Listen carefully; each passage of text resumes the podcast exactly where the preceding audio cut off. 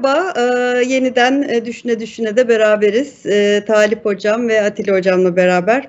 Şimdi e, bu hafta e, pek çok e, konuşacağımız konu var. Tabii ki evvela 27 Mayıs. E, 27 Mayıs'ın e, kaçıncı yıl dönümü e, bir hesapladım 63 bir çok az geldi bir tarafıyla da yani o kadar çok darbe yaşamışız ki hani ben sanki bu bu kadar süre bu kadar darbe nasıl sığdırmışız gibi bir hayretle böyle geriye dönüp e, bir tarih şeyi yaptım. E, 1960 e, darbelerin anası diye bir ibare de kullanılıyor. Şimdi Talip Hoca ve Atilla Hoca ile biz e, hem Türkiye'deki darbeler tarihini, dolayısıyla demokrasi tarihini ama hasreten 27 Mayıs'ı e, konuşmak istiyoruz. Buradan başlayacağız. Hoş geldiniz Talip Hocam, Atilla Hocam. E, şimdi defalarca konuştuğunuzu, yazdığınızı, çizdiğinizi tahmin ediyorum 27 Mayıs hakkında. E, 27 Mayıs böyle herkesin içine böyle bıçak gibi belki saplanmış, milletin üzerine de konuşamadığı bir e, darbeydi. E, ve toplumun bir kesimi de toplumun demek ne kadar doğru bilmiyorum ama hani bir aydın kesiminin diyelim ki ısrarla darbe değil devrim diye nitelendirdiği e, bir başka bir kesiminin de evet darbeydi ama iyi bir darbeydi belki dediği e, böyle toplumun ilerici ve gerici diye ikiye bölündüğü ve hani darbelerin anası e, e, tanımlamasına da belki hani mesnet olacak şekilde e, Türkiye'de bir bir mühendisliğin bir toplumsal mühendisliğin de e, temelinin atıldığı, e, devlet kurumlarının e, siyaseti sınırlandıran devlet kurumlarının ihdas edildiği bir tarihin başlangıcı ve aynı zamanda tek parti döneminden sonraki ilk demokratik e, seçimlerin e, işte bir darbeyle e, nihayete erdirilmesi açısından da önemli. E, Atilla Hocam e, sizinle başlayalım. Doğru mu? E, 63. E, çok da önemli değil gerçi ama beni biraz hayrete düşürdüğü için yani 63 yıl mı geçmiş daha e, dedirttiği için böyle üzerinde durdum fazlaca galiba. E, 27 Mayıs'ın e, idrak de ediyor değiliz ama bizim için artık önemli. Halkın konuşmaya başladığı bir evredeyiz. Hani darbeler özellikle de 15 Temmuz'dan sonra 15 Temmuz darbe girişimine halkın gösterdiği o direnç e, çok konuştuk. Konuşmaya da devam edeceğiz. Biraz da o perspektifle bakarak 27 e, Mayıs'ı ben hani kısa bir soruyla başlamış olayım. 27 Mayıs'a devrim diyenlerin derdi neydi? E, böyle bir soruyla başlamış olayım. Buyurun. Teşekkür ediyorum. Ben de kısa sorunuza uzun bir cevap vermeye çalışayım. 27 ee, Mayıs darbesinin 62. yıl dönemi bugün. 62 yıl önce e, Türkiye'nin e, Cumhuriyet döneminin demokrasi periyodunun ilk ve en önemli darbesi vuku buldu. Bu darbenin ne anlama geldiğini anlamak için e, biraz daha gerilere gidip Türkiye Cumhuriyeti tarihinin başlangıcından itibaren olan bitene göz atmakta fayda var. Malum 1923'te bir İstiklal Harbi'nden sonra Cumhuriyet ilan edildi. Bu nasıl bir cumhuriyetti? Bu klasik anlamda bir cumhuriyet değildi. Cumhuriyet tanımlarını genellikle ikiye ayırırız. Dar anlamda cumhuriyet, geniş anlamda cumhuriyet diye. Türkiye'de ilan edilen dar anlamda cumhuriyetti.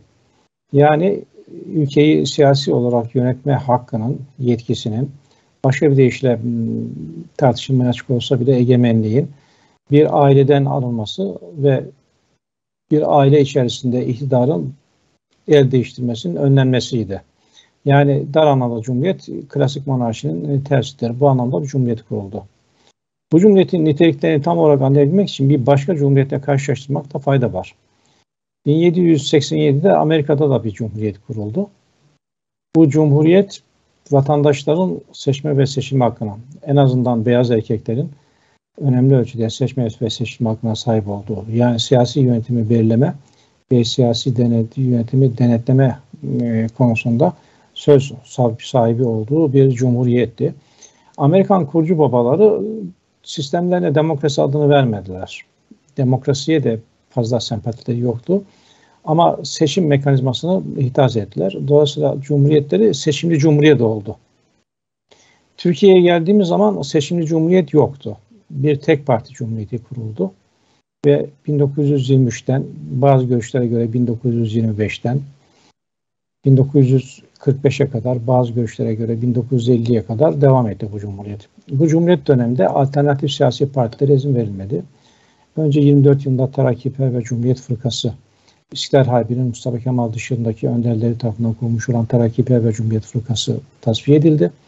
Sonra 1930'da bir çok partili hayat denemesi gerçekleştirildi.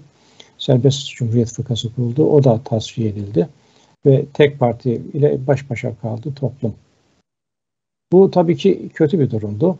Sistem hemen hemen her açıdan başarısızdı ve e, değişim işaretleri vermek zorundaydı. İkinci Dünya Harbi, İkinci Dünya Harbi'nin sonunda Batı blokunun başını çektiği blokun muzaffer olması, Sovyetler Birliği'nin Türkiye'den toprak talebi ve boğazlarda kontrol talebi Türkiye'yi batıya yaklaştırdı. Batıya yaklaşmak da Türkiye'de sistemi açmak anlamına geliyordu. Bu şekilde Türkiye'de bir çeşit bir demokrasi ihtisasına girişildi. 1945'te başlayan süreç 1950'de noktalandı ve 1950'nin 14 Mayıs'ında yapılan seçimlerle Demokrat Parti iktidara geldi. Bu olağanüstü bir büyük bir olaydı. Önceki haftalarda konuştuk mu bilmiyorum ama 14 Mayıs e, henüz İslam dünyasında tekrarlanamamış bir başarıdır.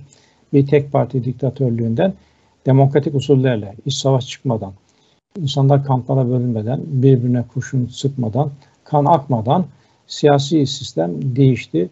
Antidemokratik rejimden demokratik rejime geçildi. Şüphesiz bu olayın kahramanları vardı. En başta gelen kahraman da merhum Adnan Menderes ve arkadaşlarıydı.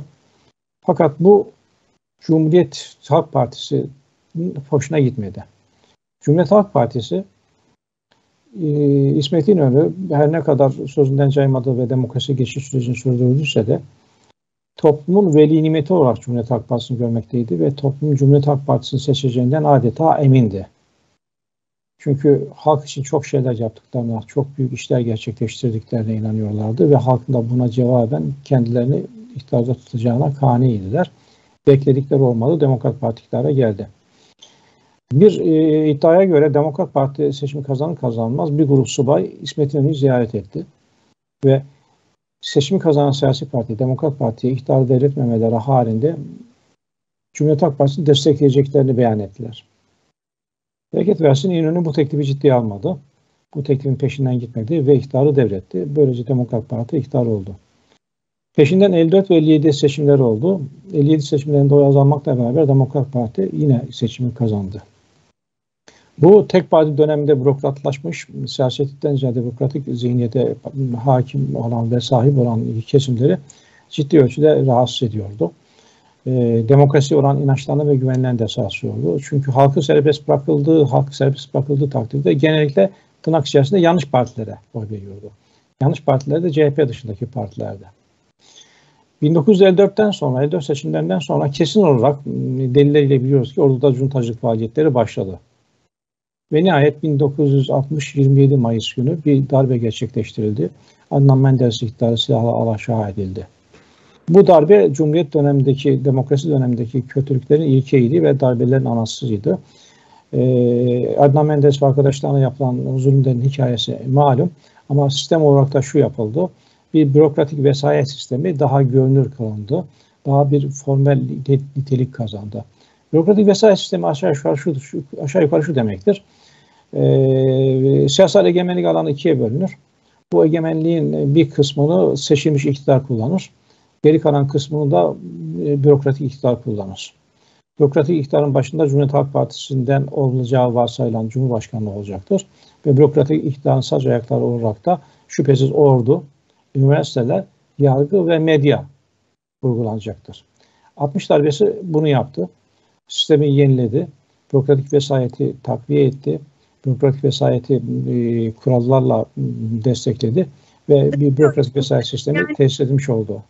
Darbeden sonraki süreci de konuşalım ama şimdi e, bir kesim işte aydın, bürokrat ve CHP'li bir kesim diyelim ki e, işte hem İnönü'nün e, hiçbir dahli olmadığını söylemekle beraber ama yine de hani 27 Mayıs'ın bir darbe değil devrim olduğunu ifade ediyorlar ve akabinde de Ee, şimdi siz az önce e, bir işte tek parti iktidarından bir demokratik düzene e, geçişin e, işte kansız ve işte sorunsuz bir şekilde geçişin belki de dünyada tek ol, tek örneği olduğunu ifade ettiniz.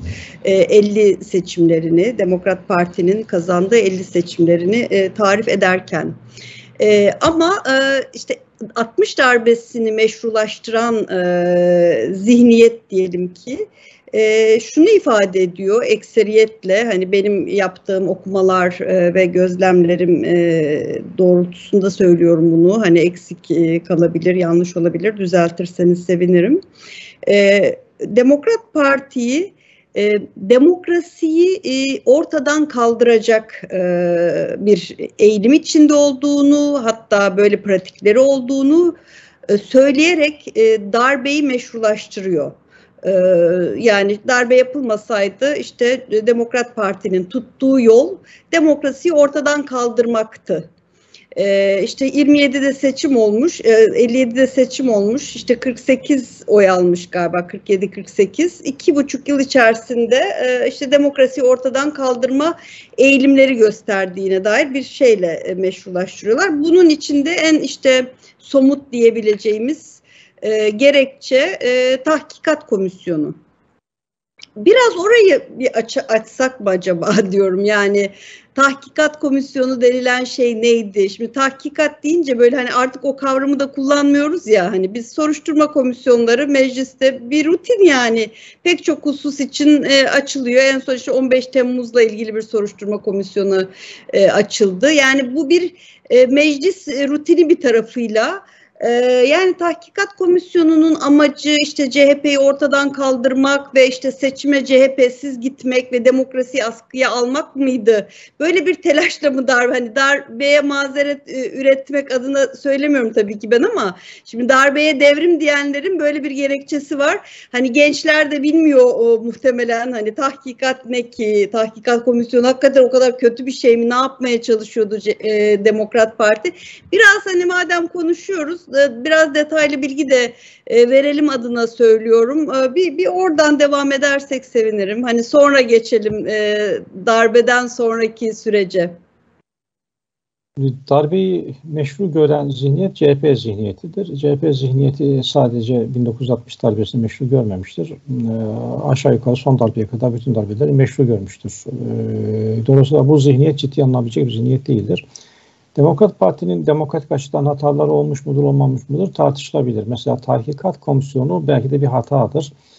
3 ee, ay süreyle görev yapacak bir komisyon kurmuştur. Zaten aşağı yukarı bir ayını doldurduktan sonra da darbe vuku bulmuştur. Tahkikat komisyonunu kurma yoluna gitmesi de Demokrat Parti'nin CHP'nin bugünkü iş gibi şirret, yıkıcı, korkunç bir muhalefet yapıyor olmasıdır.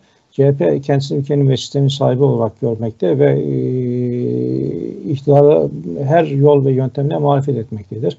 Bu ortam içerisinde tahkikat komisyonu kurmuştur. Biraz Kurmasa, kurmasaydı dair bir kuşkuyla da sanki yani orduyla evet. Yani oradan e, çeşitli tasfiyeleri Menderes yapmıştır ve bu tasfiyelere güvenerek ordunun kendisine sadık kalacağına da inanmıştı. Gerçi Genelkurmay Başkanı Rüştü Eder malum darbeye katılmadı. Bundan dolayı da darbeciler tarafından cezalandırıldı ve İstanbul Kabataş'ta e, sessizlik içerisinde hayata veda etti. Ama e, tahkikat komisyonu ve diğer problemler darbeye bir meşruluk kazandıramazlar. Çünkü e, Demokrat Parti aynen daha sonra Merkez Sağ'ın yaptığı gibi hep seçimlere yönelmiştir. 50 e, seçimden ilaveten 54 ve 57 seçimden de kazanmıştır. Dolayısıyla tahkikat komisyonunu gerekçe göstermek darbeyi meşrulaştırmaktır. Zaten e, darbenin hemen öncesinde bir seçim kararı alındığı da bilinmektedir. Dolayısıyla e, gerekçesiz ve hiçbir şekilde meşrulaştırılamayacak şekilde bir darbe gerçekleştirilmiştir. Bunun hikayelerini çeşitli yazarlardan okumak tabii ki mümkün. Mesela Cemil Koçak'ın kitapları bu konuda iyi bir fikir verebilir. E, CHP'nin darbenin arkasında olup olmadığı meselesine gelince CHP darbenin arkasındadır. Çünkü CHP zihniyeti darbeci bir zihniyettir. E, daha sonraki bütün darbelerde de CHP hemen hemen e, darbecilerle birlikte yer almıştır. En son 15 Temmuz darbesinde biraz kafalar karışmıştır ama 15 Temmuz darbesini yapan darbe teşebbüsünü gerçekleştiren zihniyet de zaten bürokratik vesayet zihniyetinde Kemalistlere örnek aldığı için ve Kemalist renk vermeye çalıştığı için e, ve darbeciler gibi e, darbe akışlayanlar da Erdoğan'dan nefret ettiği için 15 Temmuz'da da doğrusu sempati duymuşlardır. Dolayısıyla darbenin ilericilik olduğu, darbenin devrimcilik olduğu, darbenin dev, e, demokrasiyi kurtardığı yolundaki görüşler birer efsanedir. Gerçekte uzaktan yakından bir alakası yoktur. Tam tersine demokrasiyi darbe indirmiştir. Çünkü demokrasi darbelerle ve darbecilikle gelişmez. Demokrasi iktidarın seçimine gelip seçimine gitmesiyle gelişir. E, kriz çıkabilir demokrasilerde. Bunu çözmenin yolu yeni seçimlere gitmektir. Demokrat Parti de bu yolu zaten kullanmıştır. E, üzücü olan CHP'nin hala aynı zihniyeti e, taşıyor olması. Maazallah 15 Temmuz'da eğer başarılı olsaydı Erdoğan hakkında da büyük bir ihtimalle Menderes hakkındaki iddiaların benzerlerini dinliyor olacaktık. E, hatta darbe olmadan da işte Kılıçdaroğlu'nun geçen yaptığı açıklamada olduğu gibi benzer şeyleri e, devam ediyor. Ee, o açıklamaya da geleceğiz. Bir e, Talip Hocam e, size dönmek istiyorum. Şimdi 27 Mayıs'ın 62. yıl dönümü dedi. Düzeltti beni e, e, Atilla Hocam. E, hakikaten biz hani böyle bir e, yol aldık mı sizce? İşte bu zaman zarfında açılan bir parantez miydi? E, 61 e, 60 darbesi, 27 Mayıs darbesi ve 15 Temmuz'da o parantezi gerçekten ka e, kapatabildik mi e, diye böyle iyimser bir soru sormakla beraber işte bugün e, daha hani yeni e, diyelim ki e, muhalefet lideri Kemal Kılıçdaroğlu'nun yaptığı açıklamalardan e, hareketle yine Atilla Hoca'nın az önce söylediği şey doğrular bir durum var sanki. Yani Cumhuriyet Halk Partisi zihniyeti darbeci bir zihniyettir tırnak içinde. Bunu hala söyleyebiliyor muyuz? Ve bu nasıl bir şeydir? Yani e, hani gerçekten böyle bir şeyle bir akademik e, merakla da dönüp baktığınızda işte metinlere, açıklamalara, işte kitaplara, mesela hani Türkiye'de sol aydınlar e, inanılmaz memnun kaldılar. Yani şimdi hani acaba biz bunu an, buradan bugünden bakıp hani anakronik bir değerlendirme mi yapıyoruz acaba hani 27 Mayıs'ı e, e, alkışlayanları anlamayarak mesela hani 27 Mayıs bizim aşkımızdı e, diyen hani bunu böyle açıklıkla söyleyebilen yani birkaç yıl öncesine kadar belki hala bir takım aydınlar 27 Mayıs'la ilgili bu bu netlikte hani darbe değil devrimdi diyebilecek netlikte konuşabiliyorlar. Ee, ve işte da, sivil darbe mesela hani gibi bir takım açıklamalar hani işte iki yıl sonra seçim olacak iki yıl dayanamayıp diyelim ki hani seçim olacakken e, ve se erken seçim hatta tarihi bile verilmişken ki Menderes'in e, 25 Mayıs'ta yanlış e, hatırlıyorsam yine düzeltin. E, seçim Eskişehir'de zannedersem seçim açıklaması var yani. Hani toplumda bir huzursuzluk var. Evet o huzursuzluğu gidermek için en en saatli yol nedir? Seçime gitmek hani. Ama halka güvenmemek. Halk demokrasiyi idrak edecek kadar henüz olgunlaşmadı. Henüz o idrak seviyesine ulaşmadı gibi bir yaklaşım. Şimdi bu, bu yaklaşımı ben anlayalım istiyorum. Var mı bu konuda bizi aydınlatacak cümleleriniz? Türkiye Cumhuriyeti kurulduğu andan itibaren aslında iki ana damar üzerinde siyaset e, izliyor. Bunlardan bir tanesi vesayet siyaseti dediğimiz siyaset. Yani devletin gücünü, ordunun gücünü, üniversitelerin ve aydınların e, söylem gücünü ve yargının gücünü kullanarak ve zaman zaman da arkasında medya ve sermaye de alarak Türkiye'de e, gücü elinde tutan ve tutmaya çalışan, bunu sürdürmeye çalışan bir anlayış var. Biz buna vesayet diyoruz. Yani doğrudan doğruya e, kendileri iktidarda olmasa bile farklı yöntemleri kullanarak e, iktidarda olmaya çalışan bir anlayış, bir zihniyet. Bu zihniyetin karşısında duran da milli irade diyebileceğimiz, sivil irade diyebileceğimiz bir zihniyet. Yani aslında iki tane ayrı e, zihniyet Türkiye'de her zaman siyasette birbirleriyle rekabet halinde oldu. Tabii Türkiye Cumhuriyeti'nin kuruluşunu Atilla hocamız özetledi. Yani Türkiye kuruluşunun Cumhuriyetine bak Cumhuriyetinin kuruluşuna baktığımızda orada askerin, ordunun çok önemli bir rolü olduğunu, Türkiye'de seküler işte Kemalist eliti yetiştiren düşünce tarzının orada çok merkeze oturduğunu görüyoruz. Bu tabii iktidarı elinde bulunduranlar uzun yıllar boyunca devletin bahsettiğimiz aygıtlarını da ellerinde tuttukları için, gücü ellerinde tuttukları için iktidarlarını sürdürdüler. Hiçbir zaman seçme gitme gereği duymadılar. Bakın siz de bunu söylediğiniz çok önemli. Türkiye'de merkez sağ ve muhafazakar partiler veya siyasi oluşumlar her zaman sırtını millete dayamaya çalışan ve her zaman seçim isteyen, mutlaka seçim olsun isteyen partiler olmuştur.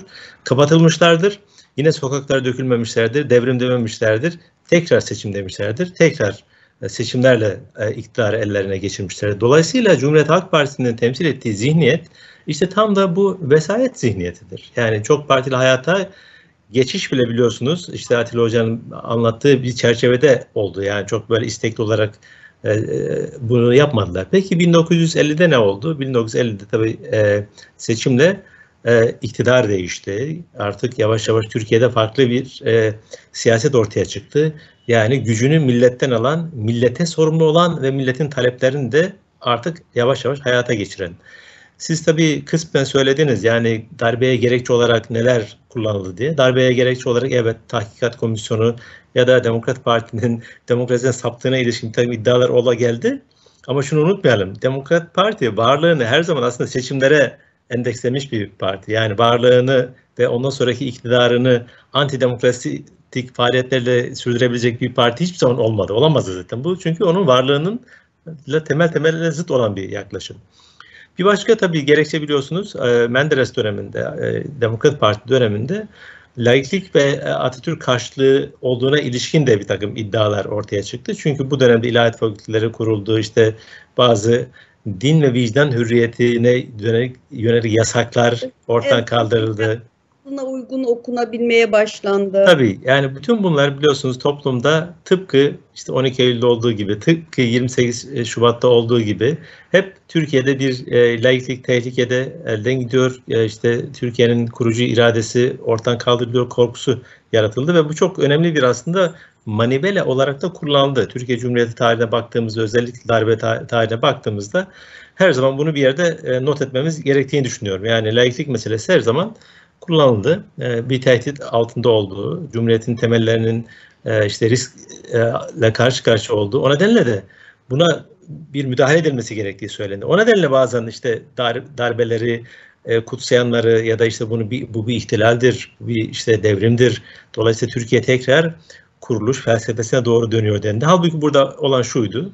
1950'den itibaren Türkiye Cumhuriyeti artık milli iradeye dayalı bir siyaset yürütmeye başlamıştı. Yani meşruiyetini vesayet rejiminin unsurlarından alan değil, tam tersi milletin iradesinden alan ve o iradeyle paralel bir şekilde siyaset üreten, siyaset e, e, devam eden bir anlayış vardı. Burada e, tabii ki bu kay, kayan zemini CHP'nin de temsil ettiği zihniyet olarak söylüyorum. Bu kayan zemini tekrar elde etmenin yolu neydi?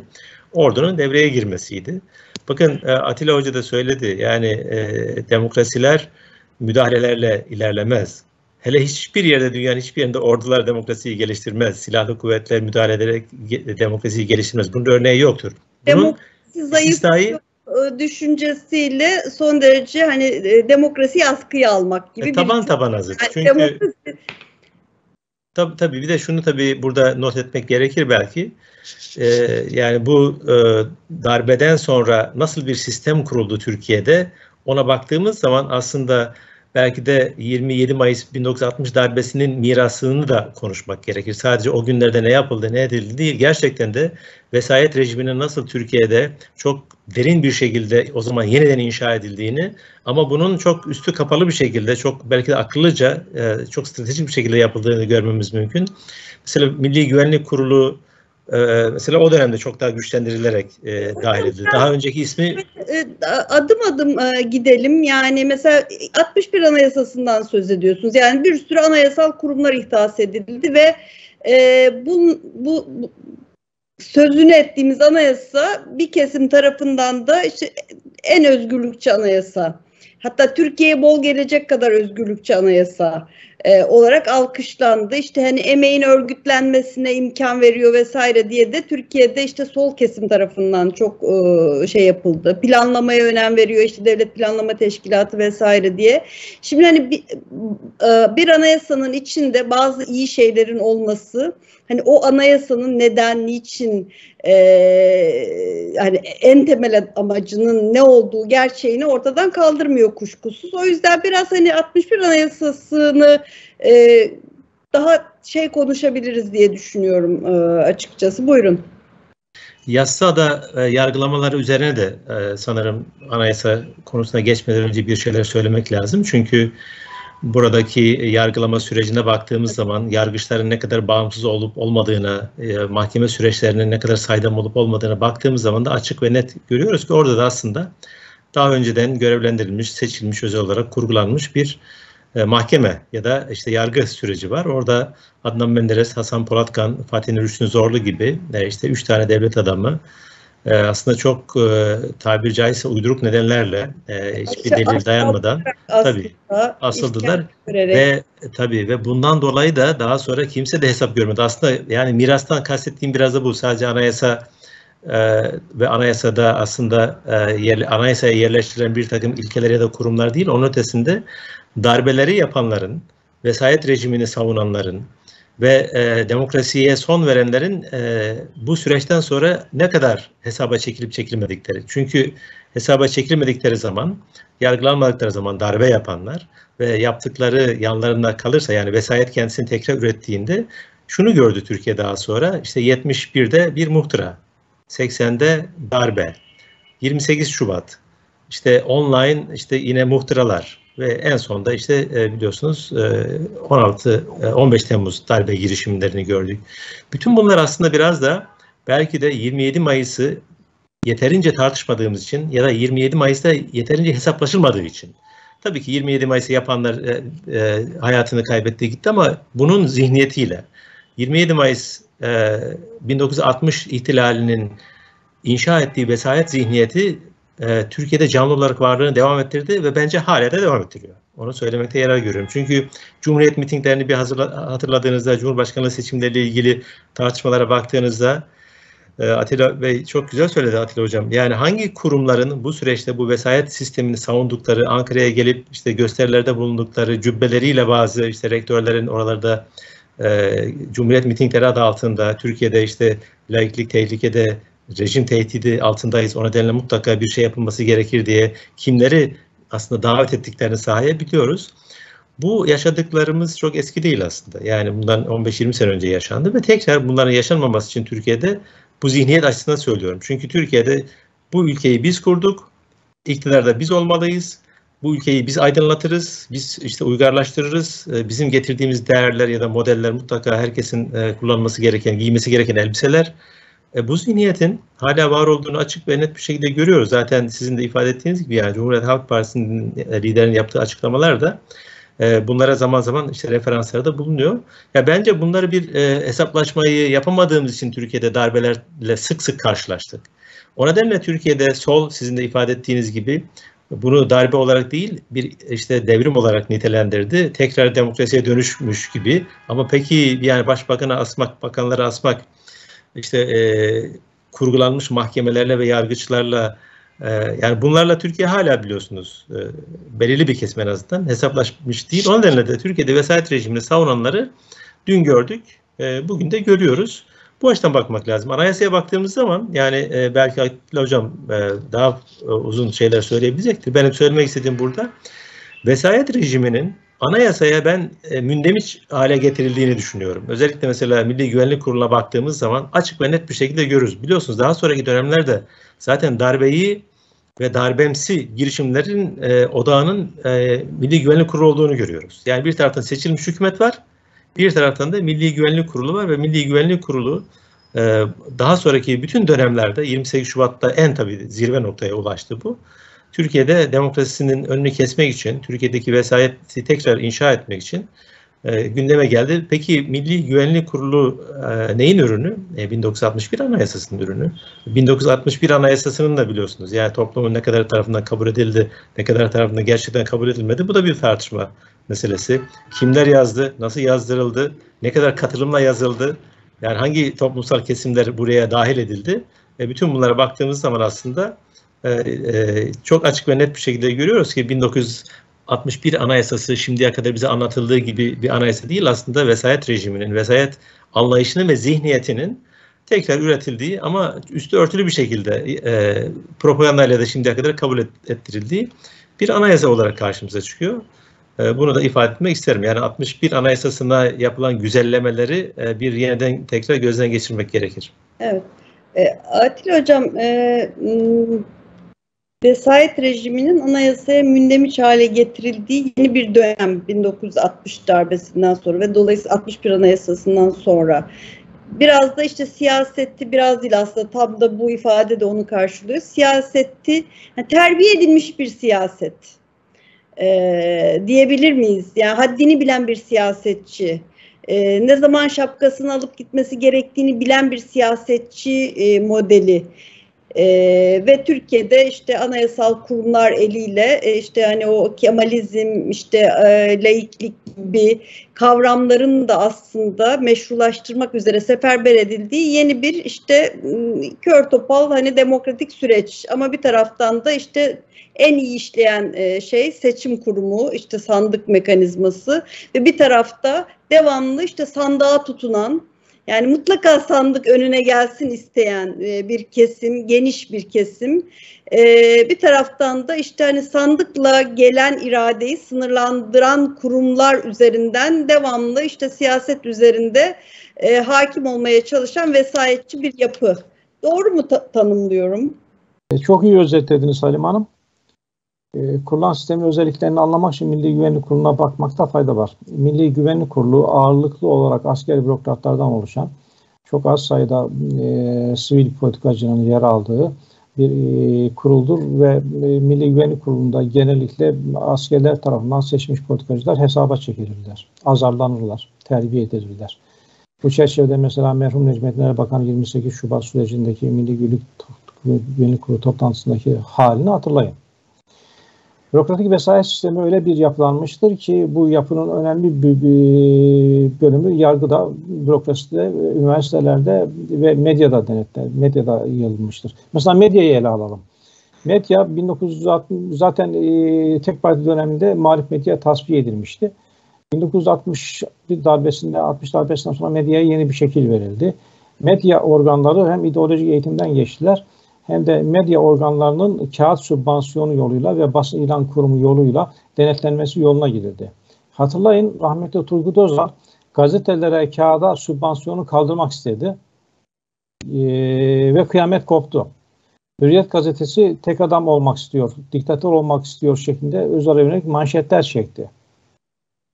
Dolayısıyla Milli Güvenlik Kurulu e, işin görünür kısmıydı ama işin görünmeyen kısmında e, yargı, üniversiteler ve e, medyada yer almaktaydı.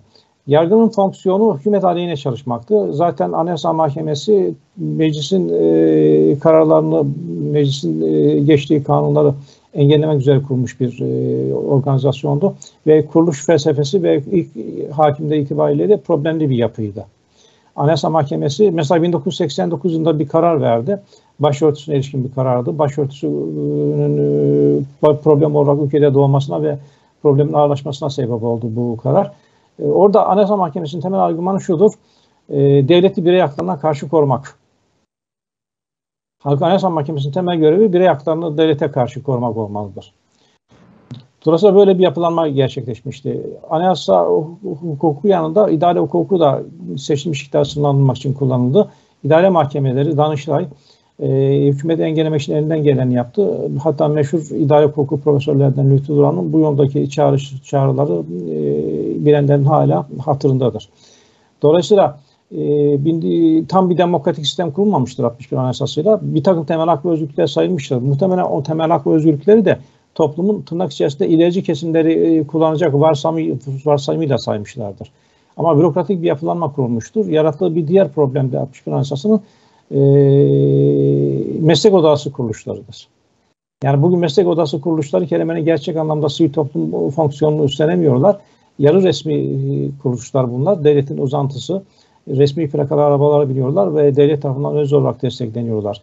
Hükümet bu doğrultuda mesela e, yeterince cesur adım atmadı. Bir adım attı ama sadece barolara ilişkin bir adım attı. Meslek kuruluşlarının geri kalanları bildiğimiz çizgide e, faaliyetlere devam ediyorlar.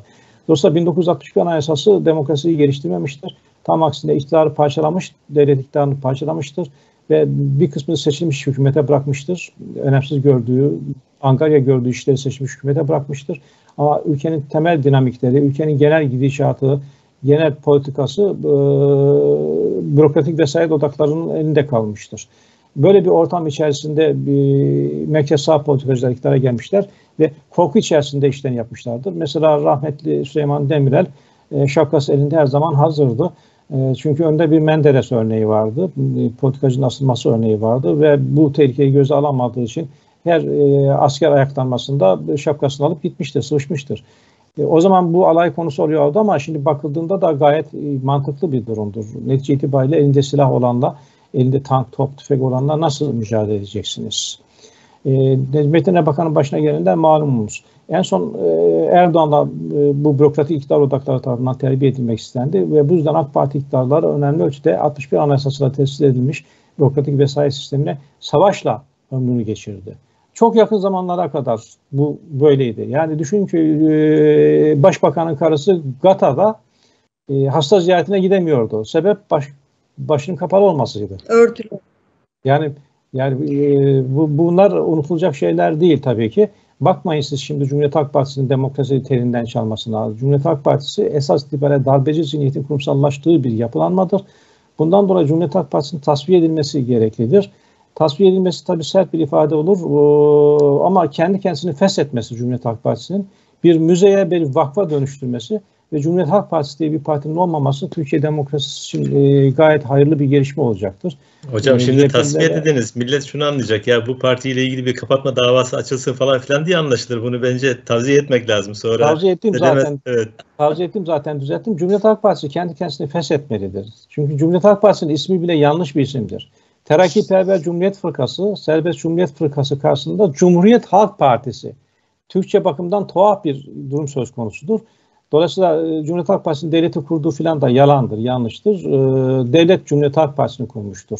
Tamam. Ve Cumhuriyet Halk Partisi'ni bir parti olarak kurmamıştır. E, devam edelim mi? Yani aslında işte Cumhuriyet Halk Partisi dediğimizde işte hani Türkiye'nin kurucu partisi olarak kendini lanse eden ki yani bu da hani sıkıntılı bir şey.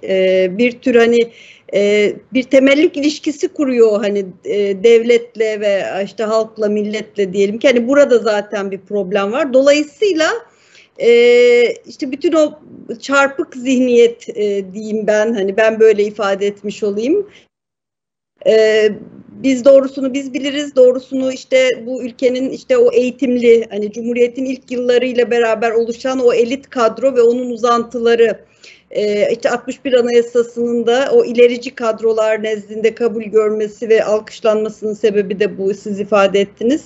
E, aslında en temelde hani o ilk düğmenin biraz belki yanlış iliklenmesinden kaynaklanan ve bugünkü CHP'ye kadar devam eden, hala devam eden mevcut Cumhuriyet Halk Partisi Genel Başkanı'nın da e, 15 Temmuz e, darbe girişimine olan yaklaşımı, ondan öncesinde işte 17-25 Aralık MİT Başkanı'nın e, işte e, ifadeye çağrılması, bir dizi işte hani sokağa, e, sokak hareketlerine olan e, bu tevessül, efendime söyleyeyim hani orada artık darbe yapamaz hale geldikten sonra 15 Temmuz'da milletin e, tepkisinden sonra da e, siyaseti bir takım illegal örgütlerin siyaset üzerindeki baskısından dahi medet uman bir ritorik geliştiriyor Cumhuriyet Halk Partisi.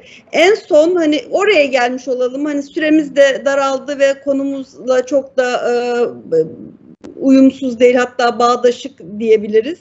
E, Cumhuriyet Halk Partisi liderinin e, bir geleneğin e, devamcısı olarak e, görüyorum ben açıkçası. Bütün o hani CHP değişti söylemlerine rağmen değişmeyen şey galiba o yanılıyor muyum? Yani hali hazırda Cumhuriyet Halk Partisi siz gerçi hani kendi kendini kapatsın, kendine ve millete bir iyilik yapsın e, dediniz. E, biz tabii ki yine değişir, belki değişir, değişebilir e, umuduyla hareket edelim ama e, yani son iddiaları Kemal Kılıçdaroğlu'nun son iddiaları üzerinden e, devam etmek istiyorum açıkçası. Hani güncele gelerek e, mevcut iktidar partisinin ne işte e, tıpkı işte 15 Temmuz ve öncesindeki süreç süreçte FETÖ e, yapılanmasının e, unsurlarının diyelim ki ifade ettiği şeylerle yeniden suçlamaya başladı. İşte kaçacak, kaçacak delik arayacak gibi ifadeler kullanıyordu. Benzer şekilde işte Amerika'ya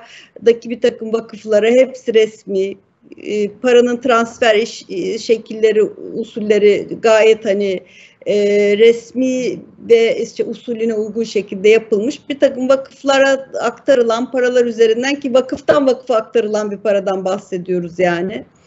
E, işte şey Amerika'ya kaçacak, bir Pensilvanya oluşturulacak falan gibi böyle abuk subuk şeyler e, söylüyor. Ya bu ben hani e, e, şöyle şeylerim de var, tezlerim de var ama hani belki bizim bu programın konusu değil. Yani Cumhuriyet Halk Partisi lideri Kemal Kılıçdaroğlu'nun e, e, eline bunları tutuşturanlar FETÖ'cülerdi bir zamanlar. Hani şimdi hala e, Cumhuriyet Halk Partisi FETÖ'nün operasyonuna mı maruz kalıyor, kendisi buna mı maruz kalıyor diye düşünüyorum. Ayrıca Kemal Kılıçdaroğlu gerçekten 2023'e giderken hani belki bir, bir daha parlayayım diyor ama bunlar bir siyasi e, liderliğin söylememesi gereken şeyler. Yani söylediğinde prim e, yapmayacağı şeyler. Ben bir kendine doğru bir sabotaj gibi de okuyorum ama bu bahsi diğer yani bizim programımızın konusu değil. Ben hala işte tekrar CHP'nin e, CHP zihniyetinin e, analizine dönersek bir değişiklik var mı? Siz bu son açıklamaları e, ve FETÖ darbesine dahi yani şey yapamayan hani o yerleşik Kemalist laik darbe geleneğinin yanında durmalarını hadi anladık e, kendi tutarlılıkları içerisinde ama FETÖ gibi bir yapılanmayı dahi e, içlerine sindirebildiler ve hatta söylemleriyle o yapılanmanın aparatı haline gelebildiler, partilerini getirebildiler. Bunu bir kırılma olarak mı görüyorsunuz? Hani CHP içindeki süreç açısından nasıl değerlendiriyorsunuz? Bana mı soruyorsunuz? Evet size soruyorum. Sonra da yani aynı şekilde Talip Hoca'yla e, herhalde e, bitirmiş oluruz. E, sorunun devamında Talip Hoca'yı dinleyeceğiz. Cumhuriyet Halk Partisi'nin değiştiği yolunda iddialar var. E, ben bu iddiaları çok ciddi almak durumunda değilim. Çünkü iddiaların değiştiğine dair işaretleri göremiyorum. Hem parti yönetiminde hem de parti tabanında. Şüphesiz Cumhuriyet Halk Partisi'nin kapatılması, kendi kendisini feshetmesi bir sembolik değer taşıyan bir e, işlem olur. Çünkü asıl olan bu zihniyetin tasfiye edilmesi, bu zihniyetin geriletilmesidir. Çünkü bu zihniyet antidemokratik zihniyettir, demokrasiye zarar vermektedir. Bu da kitlelerin yeniden zihin olarak şekillendirilmesi gibi uzun ve zorlu bir e, süreci gerektirir. Ama Cumhuriyet Halk Partisi'nin bugün politikasına baktığımızda tamamen e, eskini tekrar ettiğini görüyoruz. E, mesela Özal'la Erdoğan'ı karşılaştırmak ilgi, ilginç olabilir. Özal'a karşı yapılan, e, söylenen e, her şey bugün aşağı yukarı Erdoğan'a karşı da ve daha fazlası da söylenmektedir. Çünkü Erdoğan'ın iktidarı Özal'ın iktidarının yaklaşık iki katı olmuştur. Mesela Özal içinde tek adam olmuş olmak istiyor. Özal içinde diktatör olmak istiyor. Özal içinde dünyanın en zengin devlet adamı gibi iddialarda bulunmuşlardı. Üç aşağı beş yukarı aynı iddialar Erdoğan için de söyleniyor. Cumhuriyet Halk Partisi'nin neyi savunduğu da belli değil. Bol keseden vaat ediyor. Mesela enflasyon konusu. Enflasyon konusunda her ciddi insan bir takım izahlar getirebilir. Ama enflasyonu sadece Erdoğan'ın varlığına bağlamak ve Erdoğan gidince enflasyon gidecek demek saçma sapan bir şey söylemektir. Dolayısıyla Cumhuriyet Halk Partisi aslında bir partiden ziyade tuhaf bir yapı. Zaten bir parti olarak da test edilmedi kendisi. Tek parti döneminde adım Cumhuriyet Halk Partisi olması da bir anakronik durumdur. Çünkü bir organizmanın parti olarak adlandırılabilmesi için birden fazla aynı türden organizmanın bulunması gerekir. Tek parti rejimlerindeki partilere parti adı vermek biraz yanıltıcı bir şeydir. E, dolayısıyla Cumhuriyet Halk Partisi'nin değiştiğine dair ciddi işaret yok. Ben Cumhuriyet Halk Partisi'nin geldiği gibi yoluna devam edeceği kanaatindeyim. Kılıçdaroğlu'nda bir e, değişiklik işareti de görmüyorum. Daha da kötü, karakter özelliklerinden yansıyan bir takım kötülükler görüyorum. Kılıçdaroğlu düpetüz yalancı. Yani yalanı ispatlandığı halde de özür dilemeyen, hiç yüzü kızarmayan, utanmadan, sıkılmadan yeni yalanlar söylemeye devam eden bir şahıs. Yani böyle bir şahısla ne konuşacaksınız, nasıl konuşacaksınız? Bugün mesela politikalarına baktığınızda devamlı Türkiye Cumhuriyeti'nin milli meseleler diyeceğimiz meselelerde aleyhine bir pozisyon aldığını görüyorsunuz. Mesela terörle mücadelede Cumhuriyet Halk Partisi nerede durmaktadır? Mesela Finlandiya ve İsveç'in NATO üyeliği meselesinde Türkiye'nin çizgisini takip etmekte midir yoksa karşısında mıdır? Ee, Ünal Çevikuz'un açıklamalarına bakarsak Finlandiya'ya ve İsveç'e destek vermeye Cumhuriyet Halk Partisi hazır. Dolayısıyla böyle tuhaf bir yapıyla biz karşı karşıyayız. Bu yapının kendi kendisini ıslah etmesi şansı bana göre yoktur. E, birileri artık CHP içerisinden bunu akıl edip e, Cumhuriyet Halk Partisi'ni kapatmalı ve vakfa dönüştürmelidir. Bu çok ciddi, samimi bir görüşüm benim. Anayasa Mahkemesi'ne dava açıp parti kapatılmamalıdır. Çünkü bu hakikaten bir yanlışlık olur, bir rahatsızlık doğurur. Ama Cumhuriyet Halk Partisi demokrasiye bir hayır olmadığını görerek kendi kendisini tasfiye etme yoluna gitmelidir diye düşünüyorum. E, Atilla Hocam tavsiye niteliğindeki görüşlerinizin e, ulaşacağını e, ve faydalı olacağını umut ederek hitap geçmek istiyorum. Birkaç şey e, hatırlatmak istiyorum e, Talip Hocam size. E, şimdi 2014, 2015, 2016, 2017, 2018 yani bugüne kadar e, böyle gazete arşivlerine dönüp baktığınızda Cumhuriyet Halk Partisi yani Kemal Kılıçdaroğlu Cumhuriyet Halk Partisi'nin e, genel başkanlık koltuğuna oturduğundan itibaren biz baz alalım.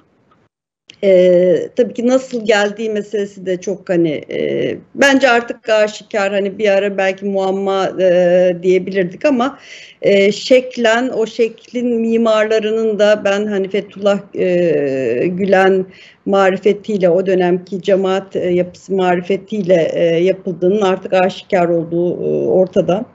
E, bir şeyle kaset kumpasıyla e, genel başkanlık koltuğuna oturtuldu.